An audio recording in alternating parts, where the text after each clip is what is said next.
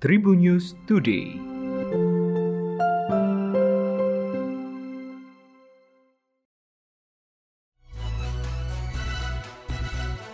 Halo Tribuners, berjumpa kembali bersama Memes. Memes akan berbagi informasi untuk kamu dimulai dari berita nasional. Presiden Joko Widodo sempat membeli kerajinan khas Papua yakni noken pada Jumat 1 Oktober 2021. Momen Jokowi membeli noken dari mama-mama di pinggir jalan ketika perjalanan dari Bandara Sentani, Kabupaten Jayapura menuju hotel.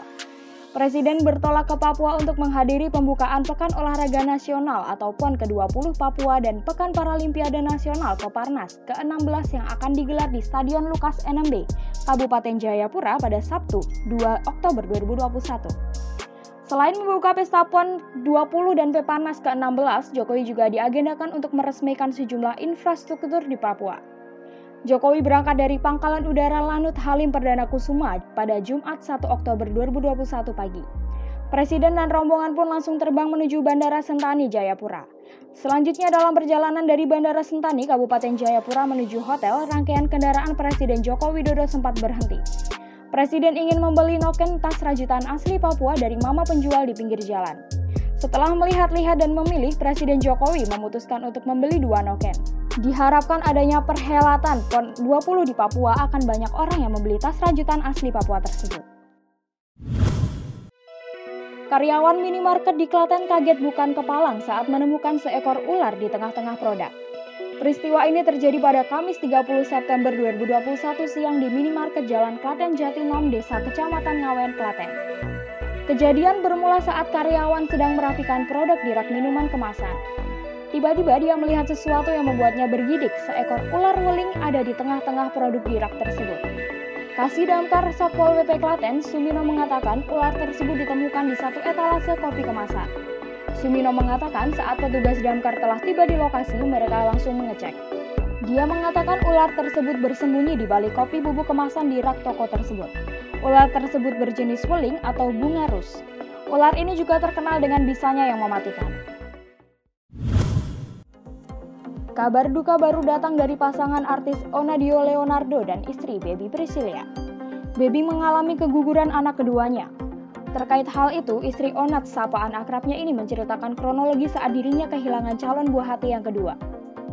Musibah itu berawal saat baby Priscilia menyadari adanya flek yang keluar pada 27 Agustus 2021. Padahal perempuan yang tahun ini genap 24 tahun tersebut tidak melakukan aktivitas berat yang berlebihan. Saat diperiksa ke rumah sakit, sang dokter menyebut jika janin yang dikandung baby memiliki kelainan. Setelahnya, Baby pun mengalami pendarahan luar biasa selama empat hari berturut-turut yang membuatnya panik dan khawatir.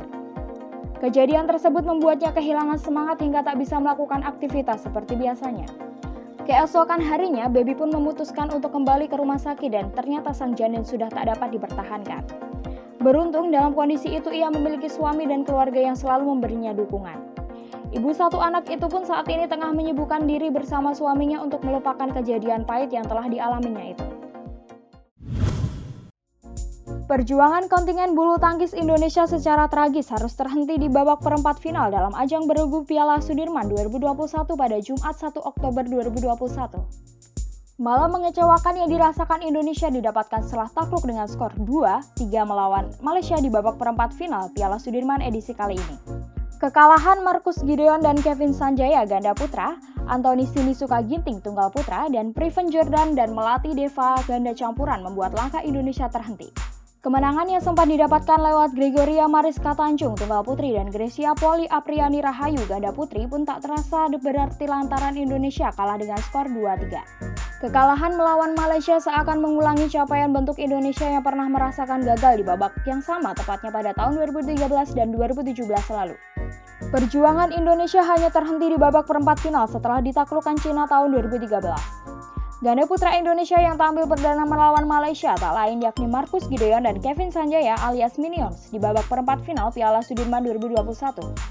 Hanya saja memang performa Marcus Gideon tidak sesuai harapan sehingga harus mengakui keunggulan lawan tandingnya, Aaron Chia dan Soh Woyi. Pasangan Minions dibaksa mengakui kemenangan lawannya yang merupakan peraih medali perunggu Olimpiade Tokyo lewat permainan dua set langsung. Demikian tadi empat informasi terkini yang menarik untuk kamu ketahui. Jangan lupa untuk terus mendengarkan Tribun News Today hanya di Tribun News Podcast Spotify dan YouTube tribunnews.com. Memes pamit undur diri, sampai jumpa. Tribun News Today.